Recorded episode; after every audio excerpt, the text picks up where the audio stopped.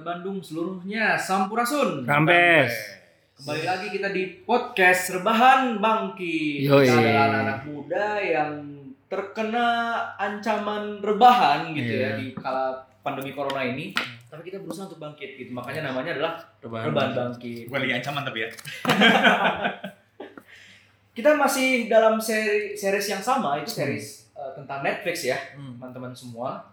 Dan kita ngelanjutin dari episode yang sebelumnya.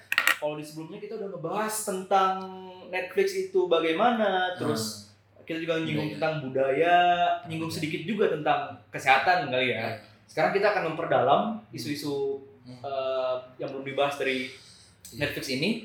Ternyata kita akan melihat nih si Netflix ini punya peran apa sih Ah. gitu bagi dunia digital media terutama di Indonesia. Iya. Gitu. Nah, kita kembali dengan personal yang sama untuk personal rebahan bangkit ini ada gua Michael tapi gua nggak travel time Hmm. hari ini nggak travel time dulu ya. Iya. Ada siapa lagi? Ada Semar, toko wayang. Ada Semar sama terakhir ada siapa nih personal Ada Berlin. Berlin gitu LCDP kita dan kita masih ada narasumber yang sama lagi itu kenal lagi kan bakalan lebar ini Saya Satrio. Satrio Netizen Budiman.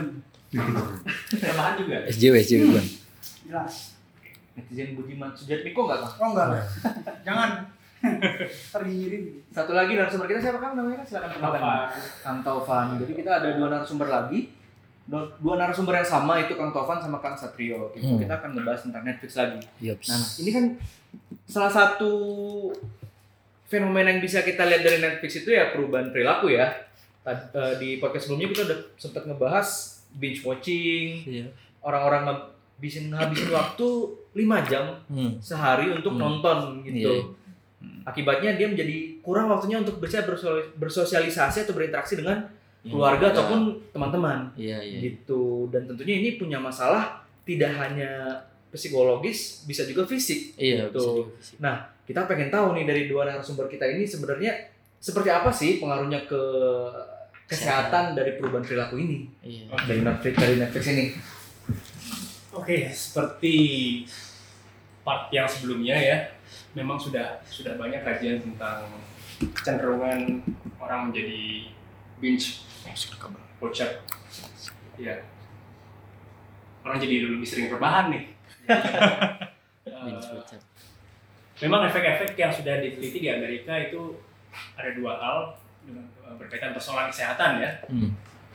Eh, yang pertama adalah persoalan psikologis dan persoalan fisik.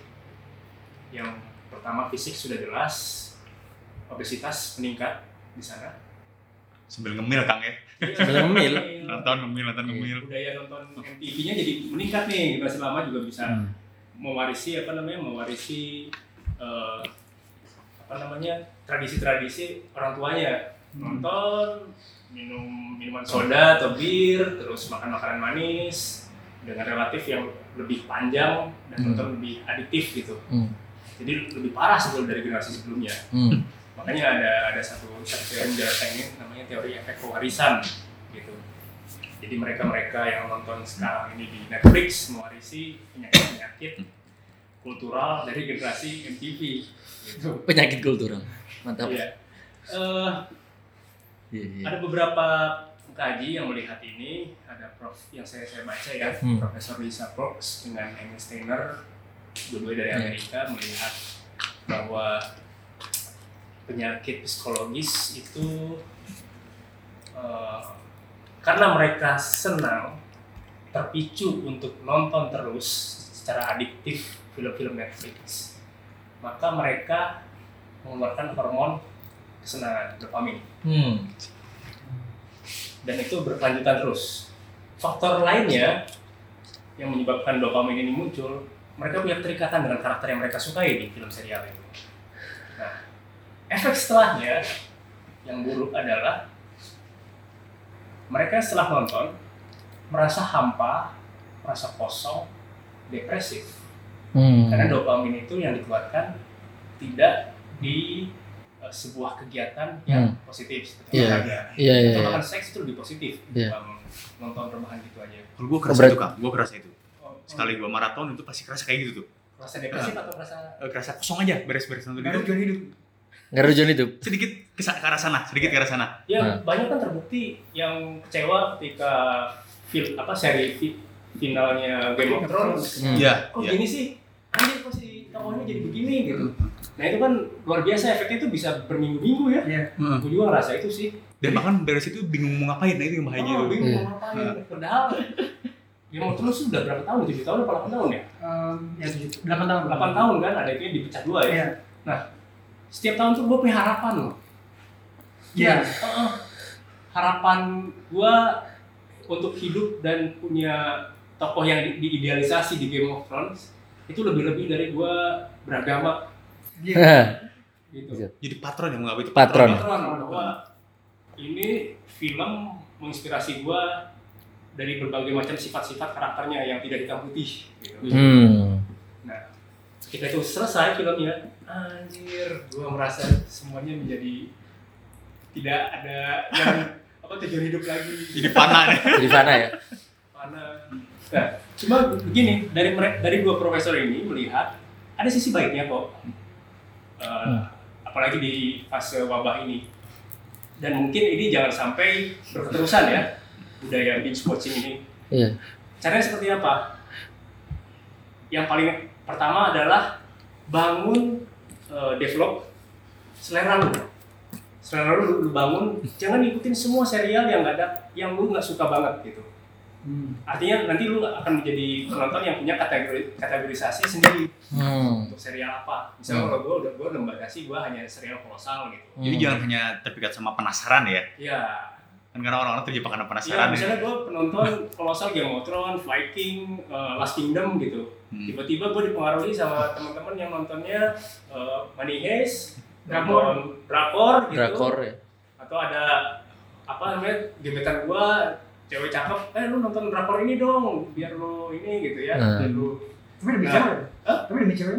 Ya demi cewek udah lah gue ikutin nah akhirnya gua memilih apa serial Kingdom yang mempertemukan antara drakor dengan kolosal Hmm. Nah. akhirnya Kingdom kan menjadi salah salah satu serial Netflix yang tertinggi tuh ratingnya Hmm. Nah. Kingdom itu itu itu bangsatnya si CEO Netflix itu dia bisa meramu itu semua menjadi sebuah konten yang merangkum semua, Merangkum semua ini ya. secara massal gitu.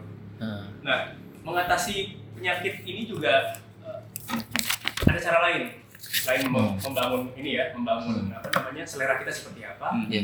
menjadwalkan, Menjadwalkan. menjadwalkan. Jangan nonton Netflix kalaupun 5 jam sehari, tapi nontonnya di jadwal mau tidur. Ah. efek screen itu mau screen apa pun tetap bahaya mengganggu itu udah banyak kajiannya ya Iya, ya, kajian udah banyak. Eh, cahaya biru itu kan mengganggu Iya, eh, ini kita apa hormonal kita hormonal ya. kita ya. Hmm. sebaiknya ya minum air hangat baca buku Hmm. dengan cahaya kuning itu lebih bagus untuk Hmm. mengantar tidur nah karena apa dua orang profesor ini memang mengkaji eh, di bidang-bidang persoalan penyakit tidur Hmm. persoalan di tidur sebetulnya kalau eh, kegiatan ini tidak mengganggu tidur it's okay itu anggap aja kita tadinya kerja di kantor sekarang kita harus kerja di rumah karena itu ya WFH ini nah tapi jamnya masih jam-jam kantor gitu Hmm. jadi kita nonton ya maksimal setelah maghrib gitu Hmm. kan. hmm. dengan satu seri lah cukup lah gitu Hmm. dan dan kita mem- memilah lah seperti apa ininya. Nah, yang yang yang berikutnya ya, ya tentu saja kita harus nonton itu tidak mengkonsumsi hal-hal yang berbahaya. Ya, Contohnya? merokok jadi Oh iya. kuat, iya. biasanya yang minum bir lebih kuat, yang Hmm. makanan-makanan apa manis, tentunya diabetes apa segala macamnya obesitas akan akan meningkat. Nah, eh, ada satu hal lagi, kalau ternyata penyakit kesemua penyakit ini akhirnya muncul, pada akhirnya kita kan men- menjadi apa eh, konsumtif ya Konsumtif ya. segala hal. Iya, iya. Hmm. Nah, tentu saja apa ya? Eh, perilaku-perilaku berikutnya eh, kita mengganggu eh, kinerja kinerja kita yang lain gitu. Jadi persoalan produ- pro- produktivitas. Nah ini ini juga mengganggu gitu. Nah eh, individualistik ini juga jadi persoalan. Pasti ya jadi. Yang tadi seperti Kang Satrio yang di serial berikutnya ceritakan ya, Hmm. kita menjadi individualistik Makanya mengakalinya dua profesor ini bilang jadikan ajang nonton ini menjadi ajang nobar, nonton bareng. Oh, Jadi oke apa? oke. Relasi sosial Tetap terjaga ya? Terjaga. Ah. Tapi jangan sekarang. Hah? Tapi jangan sekarang. Kenapa ajang sekarang? Ada nih. ah. So- eh, ini keluarga, Oh, keluarga, keluarga. Lebih keluarga gitu. Oh iya iya. Jadi ini tahap-tahap yang bisa kita lakukan eh, menghadapi eh, persoalan binge watching ini. Ah, oke oke. Gitu sih. Iya. Eh, tapi gini Kang, gue mau nanya, ini maksudnya kan secara fisik ya, tadi maksudnya secara lebih ke apa kesehatan kayak ya obesitas terus masalah lain-lain. Maksudnya ini kalau gua ngaruh itu eh, kinerja otak kita gini Kang. Itu maksudnya kan gini, kalau kita baca buku ya, gua gua gua eh, apa namanya menyangkanya gini. Ketika orang ini nggak usah apa nggak suka membaca nih, nggak suka membaca buku. Ketika orang ini bermaraton film itu kan pasti banyak ya hampir 80% itu orang tuh baca subtitle lah gitu itu kan Hmm. secara nggak langsung itu baca juga nih itu ngaruh nggak ke kinerja otak atau ini ya beda gitu beda ranah gitu dengan kita membaca buku tapi dengan misalnya dibandingkan dengan orang-orang yang nggak suka baca buku tapi tetap membaca subtitle yang ada di ini kalau misalnya disatukan semuanya hampir berapa ratus halaman eh, berapa Iya. berapa puluh halaman gitu Iya. kalau subtitle yang di ini ini tuh ngaruh nggak ke kinerja otak gitu atau gimana Ya yang pasti kalau kita nonton sambil baca untuk konsumen yang non berbahasa Inggris atau bahasa asing di film itu ya pasti kita kinerja otak bertambah ya. Iya.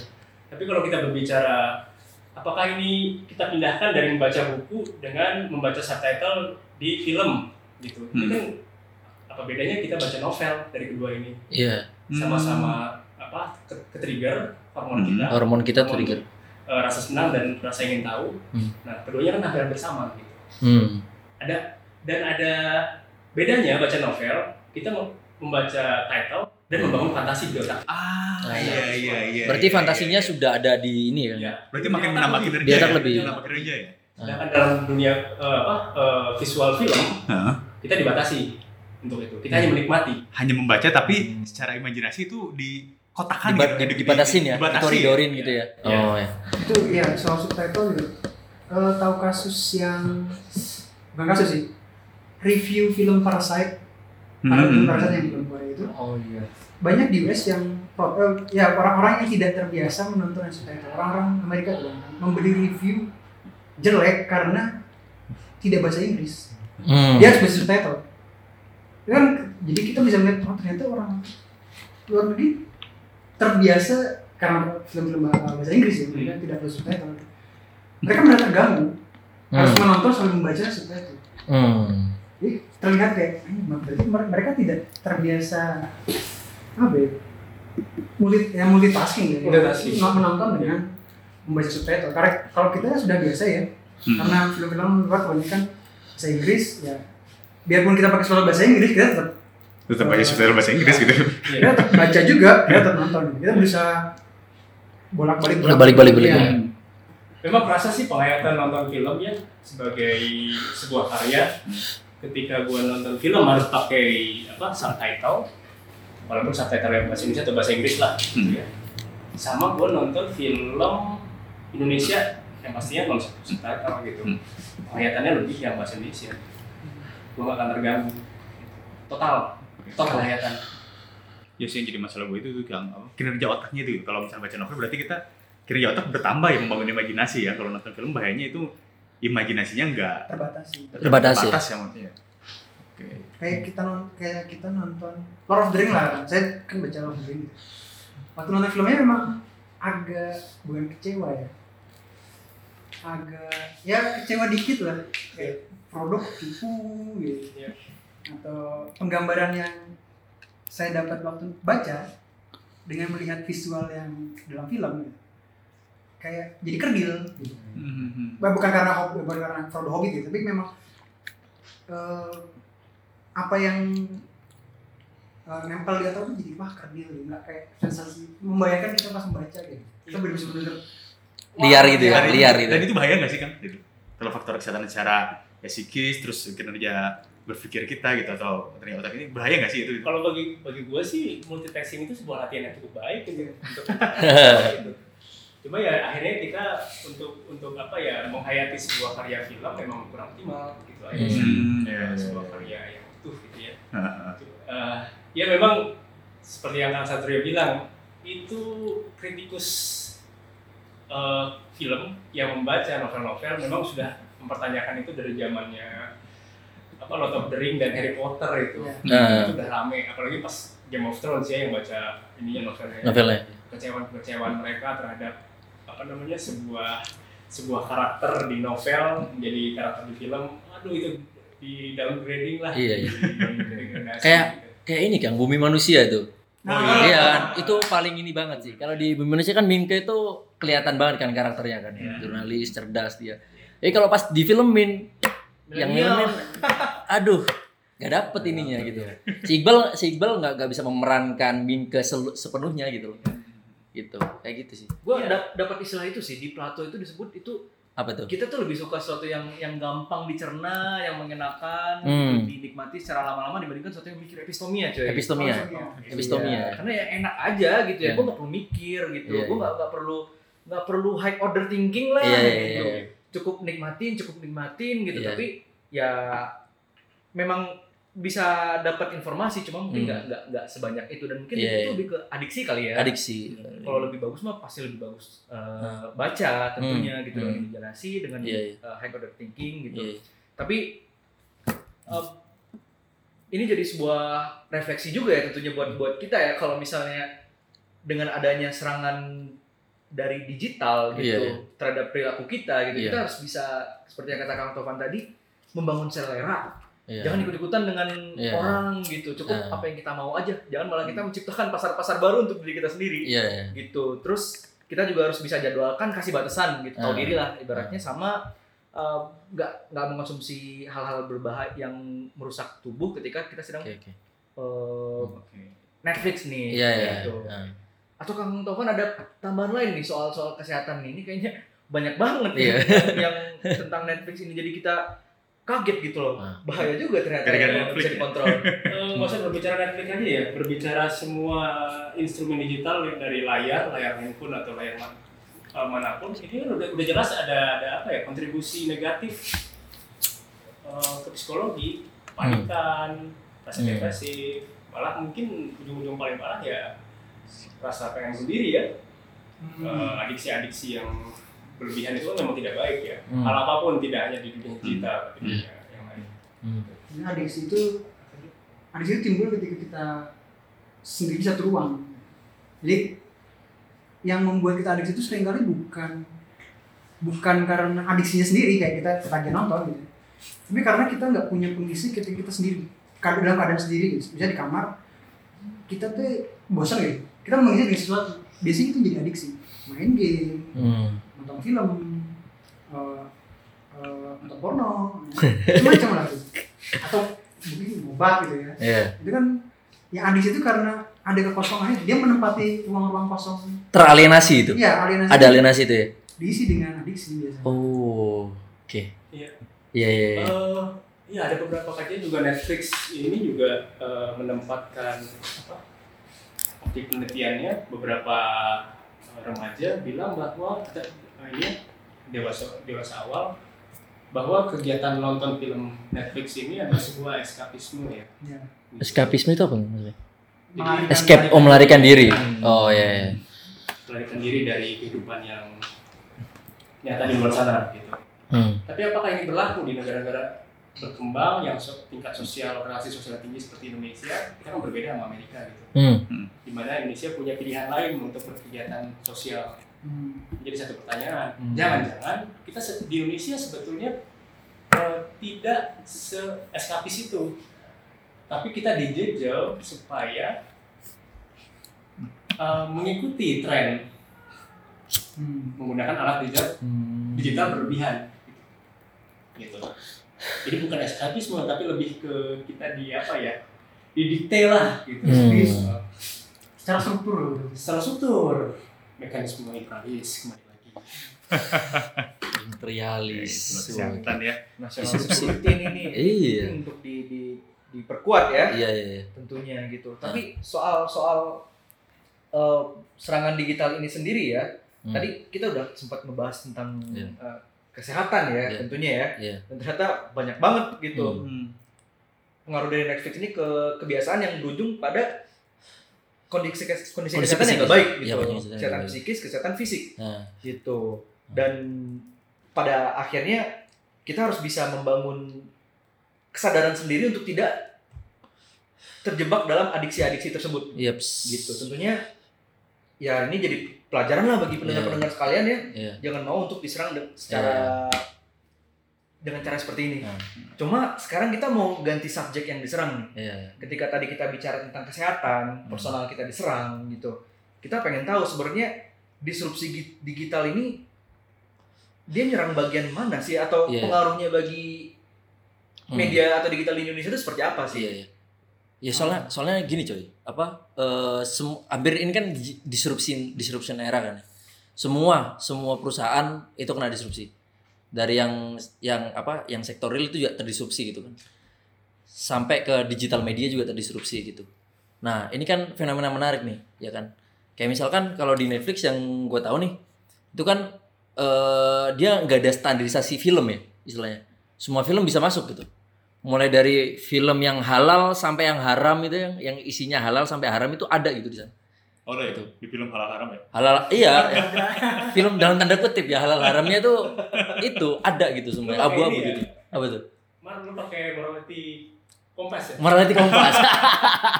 Ada. abu-abu gitu jadinya kalau di Nanti Netflix. ada cap MUI-nya lagi di situ. Iya. Oh iya film ada cap MUI-nya ya. Ya itu. Jadi kayak sekarang jadi abu-abu aja nggak ada standarisasi gitu. Nah itu gimana Kang kalau menurut Kang Kang sekalian? Soal disrupsi. Disrupsi industri ya digital media terutama. Um, ya kembali lagi mulai dulu dari yang konvensional TV TV biasa TV biasa yang ada beberapa yang jelas kalau misalnya tontonan film uh, series mulai tergeser orang-orang milih ke Netflix gitu Hmm. daripada film biasa eh TV biasa atau film yang bukan binge binge watching Hmm. Terutama yang apa di Netflix itu si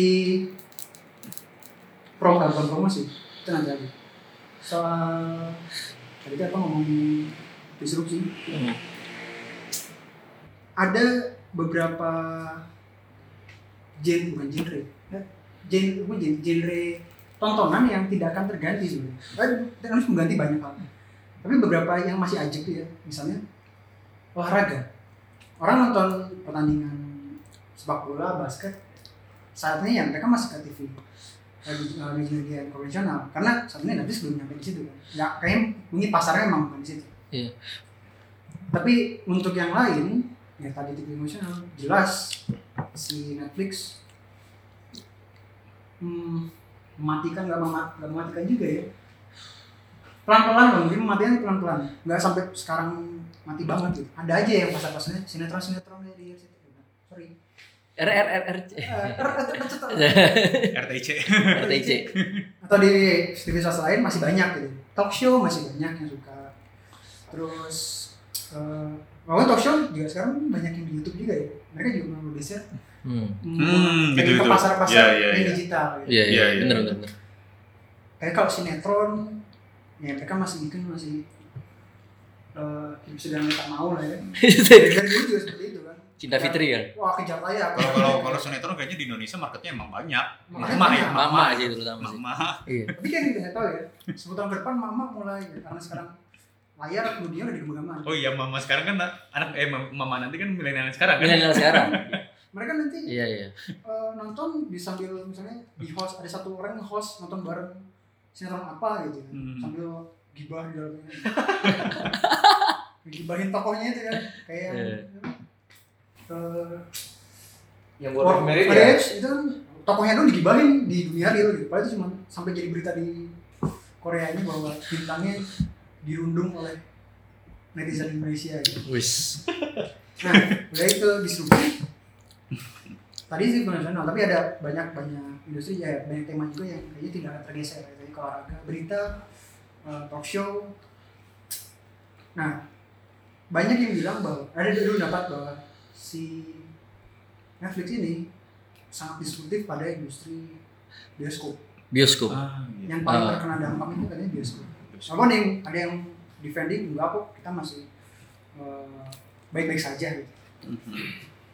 Tapi efeknya jelas kalau bioskop untuk saat dia menaikkan satu film dia akan mengeluarkan biaya eh, promosi terus eh, lisensi bioskop harus beli.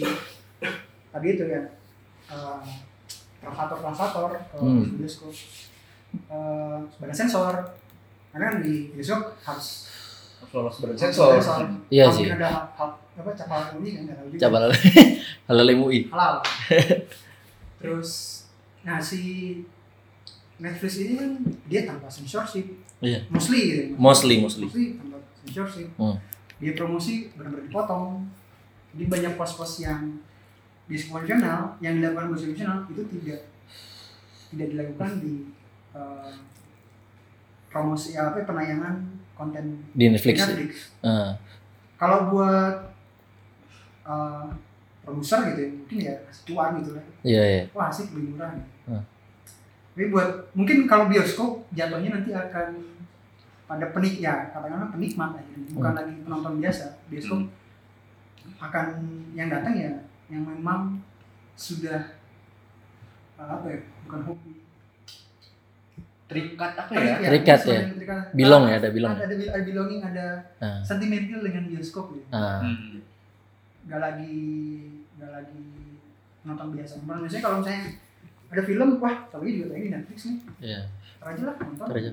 Daripada harus bayar lagi bioskop. Kan tadi bilang kalau mau ngajak pacarnya ya tinggal Netflix aja lah, And chill. ngancil.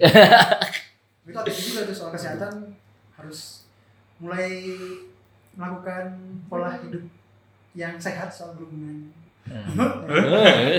Jangan main tabrak-tabrak aja, Netflix ngancil.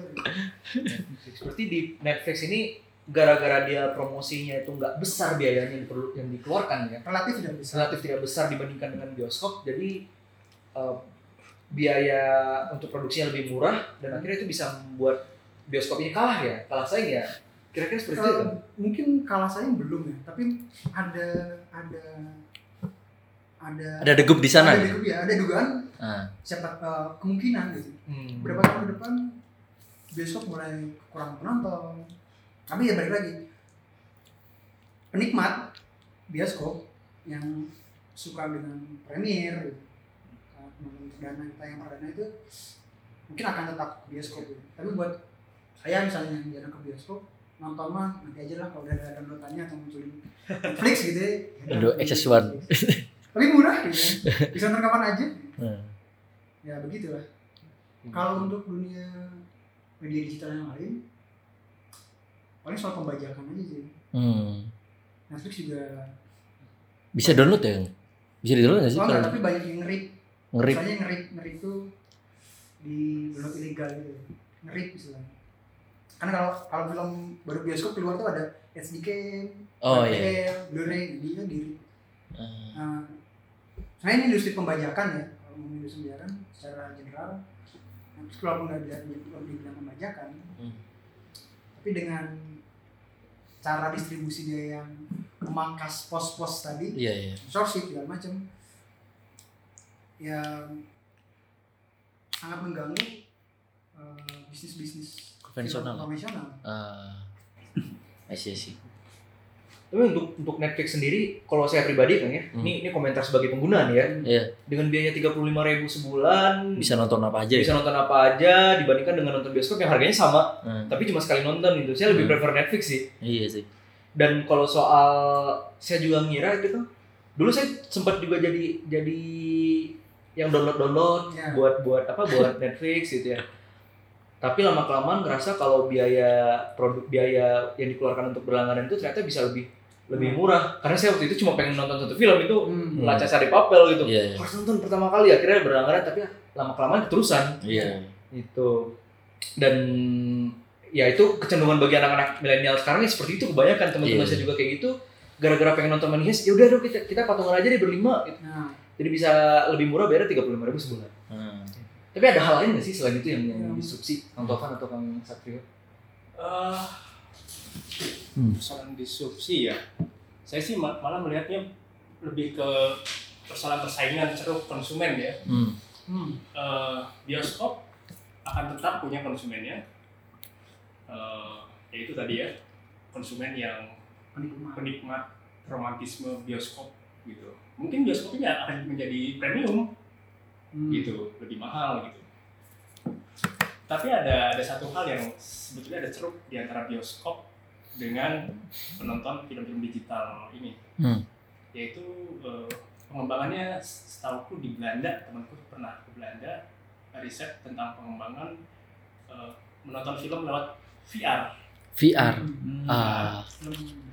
jadi eh, kalau ternyata eh, apa konten-konten dari Netflix dan semacamnya itu bisa masuk ke VR, jadi ada konsumen tersendiri nih konsumen Iya, iya. VR. Ah.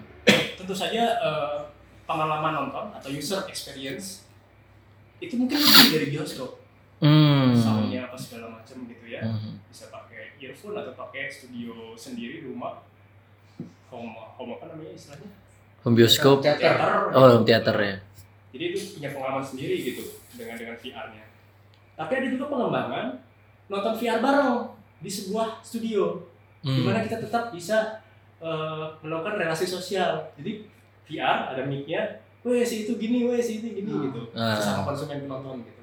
Nah ini sedang di- dikembangkan. Apakah eh, nonton sambil ngobrol bareng itu lewat VR? Jadi kita 20 orang dalam studio nonton pakai VR masing-masing dan dikasih mic juga gitu Ah. apakah ini mengganggu, apakah ini masih dalam kajian. Nah, saya berbicara masalah disrupsi lagi, kita kita masuk lewat ini ya, eh, beberapa faktor yang kita kita bicarakan di di part yang pertama, binge watching gitu. Hmm. Kan ada struktur, audiens, dan konten ya. Nah, binge watching ini kan eh, ceruknya Netflix dan kawan-kawan yang sedang bertarung di situ. Tetapi ada ceruk lain nih yang sebetulnya sudah mulai lebih dulu. Struktur, elemen struktur dan audiens akan mempertemukan eh, sebuah konsumen yang tidak melihat jadwal dan tidak teradiksi sebagai binge watcher. Hmm. Ya, artinya apa? Audiens masih punya kontrol atas Iya. produk itu. Nah, struktur dan konten akan mempertemukan sebuah platform di mana eh, desain dari konten itu co- mencoba untuk menggarap audiens yang seperti apa. Nah, ini ada percobaan-percobaan startup yang bergerak di sini dan gagal, kan? Ada juga yang berhasil mencoba itu. Karena ini ranahnya ranah dapur korporasi. Ada juga pertemuan antara konten, faktor konten dan audiens, di mana ini mem- mempertemukan sebuah irisan eh, peningkatan kualitas dari konten itu dan audiensnya sendiri eh, punya kendali kontrol terhadap konten yang dia mau tonton. Hmm. Jadi pertemuan antara audiens dan struktur masih dikontrol oleh audiens, audiens dan konten masih masih dalam eh, kontrol dari audiens. Nah, tapi ketiga ketiganya itu bersatu, ini menjadi binge watcher, Oh. penonton yang tradisi. Hmm. Iya, tapi iya. saya rasa ke depannya pertemuan ketiganya dengan kesadaran kita akan kesehatan eh, fisik dan mental yang lebih tinggi nanti, edukasi yang lebih bagus. Pertemuan ketiga elemen ini tidak hanya menghasilkan binge watcher konsumen yang lebih sehat, Ya. konsumen-konsumen lain gitu. Iya. Karena apa? Berbicara audiens tidak hanya berbicara masalah audiens sebagai subjek, tapi pada akhirnya kan audiens sebagai objek yang Iya. mungkin korporasi itu lebih sehat melihat fenomena, Fenomena ini. audiens ini. Oh, Oke. Ini menarik juga sih itu Menarik. soal VR. Hmm. Eh, kalau nonton yang episode eh bukan sorry, seri se- eh, season terakhir Black Mirror apa? Yang interaksi dia. Jadi kalau series kan biasanya linear aja, satu, dua, tiga, empat, lima. Hmm. Nah, ada satu season di Black Mirror, ini kita interaksi, kita em, semacam memilih jalan cerita. Jadi kayak habis dari sini ke mana, ke mana, ke mana. Itu cukup, kayaknya cuma baru itu deh, baru baru Black Mirror yang saya tahu melakukan itu. Jadi penonton nggak cuma kita yang menatap layar, kita yang menentukan jalan cerita. Itu sebenarnya sudah ada di novel novel eh, produk-produk novel. Novel, ya. iya. Kita dikasih pilihan jika kamu memilih A maka kamu masuk ke halaman anu. Tuh. Iya, Goosebumps, Goosebumps. Oh. Goosebumps interaksi itu dulu. Zaman Kang Satria dulu ya. Oh, ini sih jangan saya Masih SD tapi. si TK gitu. Oke. Goosebumps itu ada. Ini kayak ngeliat ngeliat waktu ngeliat series. Wah itu kan pertama saya karena download ya. Yang cerita itu bingung ceritanya. Kata teman nonton di Netflix. Oh ya. Satu lagi. Oh, oke ngerti. Kayak kita harus interaksi gitu. kalau kita nonton yang liar malah nggak dapat si ini ceritanya. Mungkin baru kalau soal eh, film film digital ya kayaknya baru itu Black Mirror Dan itu cukup cukup baru kok. Netflix membeli Netflix itu memang memberi apa ya experience baru. Tapi gue bayangin saat kalau ternyata bentuk hiburan apa namanya interaktif ini, Hmm. filmnya kayak game RPG gitu. gimana ganti-gantian Jadi kita bisa main berdua, nonton film sekaligus menentukan jalan cerita, sekaligus ngegame gitu. Jadi movie-nya tuh Oh. game game movie gitu. ya ya ya kayak yang tadi lagi gitu Iya, Game movie. iya. Jadi tergantung sama kita kan? Iya, jalan alur cerita tergantung sama kita. Yang Dan bikin kan opsi sih? Ah. Jalan cerita, alur cerita. itu budgetnya pasti banyak banyak Iya, karena harus kita nyari bikin cerita alternatif banyak betul. Yang Ya penting- minimal tiga opsi cerita lah gitu ya. Netflix mau mungkin kalau ada kalau ada cuannya mah pasti mau Bikin proposal kan? yang ya? proposal oh pak pesan silakan ajukan Ini sebuah futuristis banget ya tadi ya Iya, soal iya. bahasan mengenai disru- disrupsi oleh Netflix ini. Hmm. Ke depan akan seperti apa kita nggak tahu. Iya, iya. Kita hanya bisa menikmati. Mungkin anak kita yang menikmati seperti itu atau mungkin kita juga Iya, iya. iya. sama orang yang kita sayangi nantinya mungkin. Orang yang kita chill gitu. orang yang kita chill. chill dengan formal atau dengan, um, Dengan- Normal. Le- lebih lebih Sudah elegan, lebih lebih elegan sih, lebih elegan, lebih elegan. Anyway, untuk Netflix ini sendiri sebenarnya dia memberikan peluang yang positif nggak sih bagi industri ya Iya. perfilman lah misalnya di Indonesia, Hmm. Kang Tovan. Atau Kang jelas sih si sekarang Indonesia punya seri-series yang ditayangkan di Netflix. Hmm. Dengan Us siapa lagi? Gue tuh nontonnya cuma gitu soalnya. Iya sih, gue juga lupa tapi memang Tapi bintangnya juga bukan bintang ece-ece ya. Bintangnya bintang-bintang yang cukup terkenal. Jadi eh, dari situ terlihat bahwa ini digarap serius. Film-film bukan yang iseng karena buat ngisi eh, apa, kosongan film gitu. Tapi emang dibuat secara serius. Bahkan film-film bioskop Indonesia yang sudah tidak tayang gitu. Kalau orang nggak tahu misalnya Misalnya orang tua apa ada juga generasi milenial yang tidak ngerti gimana sih download film gitu. Di mana sih download di sana di mana nontonnya? Nah, Netflix tuh memberikan eh, opsi supaya kita bisa menonton film-film bioskop yang kita pengen nonton tapi nggak tayang Hmm. Habibie Ainun, eh kemarin lihat lihat Habibie Ainun, oh masuk masuk Netflix gitu, bisa bisanya gitu. Ya cukup memberi potensi besar kalau misalnya memang digarap serius. Se Indonesia banyak banyak cerita-cerita film yang bagus dibikin series, cuma kayaknya pendananya nggak ada. Contohnya apa kan? Gitu kan. Saya pengen Wiro Sableng nih. Oh iya benar. Iya bener sih. Itu ya karena itu masa kecil saya gitu ya. Nah, saya pengen serial-serial kolosal tuh di bikin ulang ya yang modern apalah kayak mungkin uh, House of Cards-nya versi Indonesia ada juga saya Hmm. atau film saus sepuh dipertajam, Waduh. politiknya dan grafisnya diperkuat. tuh Hmm. Ramayana kan, Mahabharata. Wih. Uh. Atau Aduh. 1965 waduh Waduh. The series Aduh. The series. The series. Wah, itu Bisa cakep sih. Bisa ngalahin The Spy malah. Bisa ngalahin The Spy itu. Maksudnya ini kan kalau tadi kata Kang Bener, bener. Satrio itu film-film lama bisa diputar lagi. Hmm. Jadi ya film itu kan bisa jadi sebuah pendidikan sejarah ya bagi Pendidikan, iya.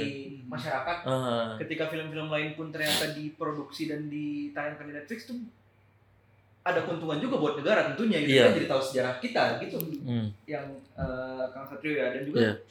gue juga sempet ngebaca sempat baca-baca berita kalau film Money Heist itu sendiri ya, Hmm. itu awalnya tuh nggak populer loh di Di Spanyol tuh nggak populer Gak ya? laku ya, bahkan gak Nggak laku ya. nggak Nggak laku laku ya? bahkan. Tapi ketika sudah mulai dituin sama Netflix, dibikin Hmm. lagi sambungan serialnya, awalnya dua seri dua Dua seri dua seri, Iya. jadi beberapa seri. Setelah itu sekarang udah empat, dan semua orang jadi menikmati. Iya, Itu bisa jadi peluang juga tentunya. Jelas itu jelas. ya tadi saya bilang kalau digarap serius ya, kalau memang digarap serius Indonesia tuh bisa jadi punya apa ya seri-series berkualitas lah ketimbang kita uh, menghabiskan waktu nonton sinetron gitu atau Cinta Fitri kan. Cerita situ atau gibah gibah ngeliatin thread di Hmm. Twitter gitu ya. Iya. Hiburan hiburan kan hiburan hiburannya film, series Indonesia di mana ya tadi kita nggak perlu subtitle, ceritanya relatable, eh kayak lebih apa ya? Buat saya sih akan lebih bagus ya, karena bosan juga. Kalau nonton film series luar, saya ngerasa kayak habis series ya berkesan tapi tidak terlalu relatable gitu. Hmm. Tapi kalau menurut eh kalau saya nonton sebenarnya nonton dekat naik penguras tuh ya dari penguras tuh buat saya ya agak susu tapi cukup berkesan gitu filmnya ya susu tapi berkesan karena melihat ah ini series Indonesia yang bagus lah Hmm. Kalau gue sih berharap eh, perusahaan seperti Netflix ya membuka apa Investasi. ya investasi lebih besar ke ceruk-ceruk konsumen maupun produser film lokal dengan spektrum yang lebih luas. Hmm. Artinya apa? Terutama untuk produsen ya eh, orang-orang yang berkarya di dunia film itu dokumenternya ada Hmm. gitu. Terus orang iya. biasa pun bisa produksi dan difasilitasi oleh Netflix. Hmm. Yang selama ini film-film di dalam negeri Hmm. saja masih Hmm. dikuasai oleh segelintir elit. Hmm. Hmm, ya benar benar perilakunya di, diatur oleh elit, Hmm. Eh, bentuk konsumennya diatur oleh elit gitu, sehingga sehingga bentuk hasil hasilnya juga diatur oleh elit ya dibentuk Hmm. elit. Jadi ini kan satu satu perkembangan yang sulit bagi dunia karya. Gitu. Iya, iya. Nah harapannya sih memang ada ada spektrum spektrum lain gitu, sehingga ya nanti yang diuntungkan juga memang tidak hanya global ya korporasi global Netflix itu, tapi juga negara. Hmm. Karena kan eh, semakin banyak karya semakin banyak masukan. Benar, benar. Benar sih benar. Jadi semua orang semua punya Hmm. kesempatan yang sama untuk bisa berkarya. Berkarya gitu ya. Industri kreatif tentunya bisa maju kalau Hmm. misalnya ini difasilitasi dengan serius ya. Hmm. yang pasti mau digarap serius aja Hmm. jangan ngejar cuan saya ya ngejar cuan ya ngejar uang ngejar untung ya tapi saya lebih senangnya kayak ya sebagai penonton pengennya mah karya dibikin sama serius Hmm. dibikinnya matang karena trauma ya Game of Thrones dibikin serius mahal ya Kecewa ya ujungnya kan. Kecewa juga. kecewa banget sih Merasa kosong. Wah hampa udah udah kayak nggak ada keinginan hidup tuh waktu udah ya ya lah gini Tapi kira-kira ada nggak sih Kang? Apa ya? Misalnya eh, pemproduksian film di Indonesia udah ke arah sana gitu? Atau misalnya si yang tadi Akang bilang ya dikuasai oleh segelintir elit ini ya maksudnya emang dipaksa buat ya khusus konsumen di Indonesia biar wawasannya nggak luas dan sebagainya udah begini gitu-gitu aja gitu. Misalnya kalau penggiat penggiat sekarang perfilman ya yang berbau berbau-bau konspirasi kayak Designated Survivor dan sebagainya gitu kan. Hmm. Ya banyak yang minat gitu. Hmm. Apakah misalnya historis-historis di Indonesia dibikin benar-benar Iya, iya. dibongkar itu dan dijadikan film atau kayak betul. analogi dan lain sebagainya gitu kan? Nah, itu Marketnya ada gitu sebenarnya, tapi itu gimana kan kira-kira? Bakal ada ke sana nggak di Indonesia? pasar ya. Harusnya ada pasar Harusnya ya? pasar-pasar film alternatif kan banyak. Hmm. Tapi eh, secara akses ke pasarnya itu terbatas karena penikmatnya pada akhirnya spesifik juga. Walaupun Hmm. peminat yang spesifik ini kebanyakan golongan muda ya. Hmm. mereka setia. Setia, setia dengan film-film alternatif. Ya seperti pertemuan film apa JAF ya, Iya. JAF itu Hmm. bukan JAF ya, JAF. Tuh ketawa nih orang-orang. mereka juga udah punya ceruk sendiri gitu. Hmm. komunitas film semakin banyak komunitas apresiator film makin banyak komunitas kritikus film makin banyak Hmm. komunitas yang memproduksi film juga makin banyak gitu. Hmm. dan konsumen atas film-film alter- alternatif semakin banyak dengan adanya perusahaan-perusahaan seperti Netflix kalau mereka mau kerja secara agak-agak jangan money oriented lah ya Satya lebih ke sosial Sosial gitu. ya. bukalah ceruk itu di seluruh dunia Nah. Ini berarti peluang sekaligus tantangan ini berarti. Iya. Oke. Tantangan buat kita sih gimana kita yang bagus Dan Ya, apalagi CEO Netflix mudah-mudahan kedengar nih sama Matthew Mycord dia seorang antropologis cultural ya Oke. yang, yang yang yang concern banget dengan masalah manusia dan masyarakatnya gitu. Hmm. Baik teman-teman ini pembicaraan kita menarik sekali ya hari ini ya. Ya, daging semua isinya ya. Daging semua. Tapi satu hal dari Kang Tovan yang gue amatin itu CEO-nya Netflix itu dia seorang antropolog, antropolog apa? Antropolog Antropologi kultural. antropologi kultural. Gue merasa kalau lu mau mau mempunyai sebuah pergerakan yang berdampak, lu harus pahami manusia, lu harus belajar antropologi coy. Ya. itu side effect yang gue Iya. gue pelajari. Bener nggak kang itu kang? Semua sekarang di dunia termasuk kasus apa Cambridge Analytica semua yang bergerak di dunia media digital sekarang sudah memperkerjakan ahli-ahli di psikologi, antropologi, sosiologi. Hmm. Karena sekarang sudah tidak lagi kita mengotak-kotakan keilmuan di sini. Iya, iya. iya. Jadi Semua teman-teman dari keilmuan IT, media komunikasi dengan orang sosial, politik, Hmm. ekonomi itu harus kolaborasi. Post science ya berarti. Post science. Saya baru dengar teman-teman apa ini? apa sih istilah baru seperti apa itu Enggak, enggak ini cuma Campur aja. post science sih. Baik teman-teman, hari ini kita sudah ngebahas banyak hal ya, mulai dari perilaku Hmm. perubahan perilaku akibat Netflix, Netflix, ini yang berakibat juga kepada kesehatan Mhm. secara psikis itu jadi terasing, teralienasi, secara Hmm. fisik hormon-hormonnya jadi uh, hormon dopamin ya tadi Iya. kesenangan sesaat tapi akhirnya Hmm. memunculkan uh, depresi atau rasa Iya. sedih setelahnya Kekosongan ya. kekosongan yang mana itu harus kita tangani kita harus Iya. aware terhadap itu dan kita harus mencegah itu Hmm. untuk bisa menguasai diri kita Hmm. terus kita juga udah ngebahas tadi disrupsi ini berdampak seperti apa sih bagi Iya. media Hmm. lokal dan ada peluang nggak sih? Iya. Ternyata ada, Iya. asal mau digerak secara serius dan itu Iya. bisa berdampak positif untuk pendidikan kita, untuk Hmm. ya untuk sejarah juga Iya. seperti itu ya Iya. teman-teman ya. semua. Iya.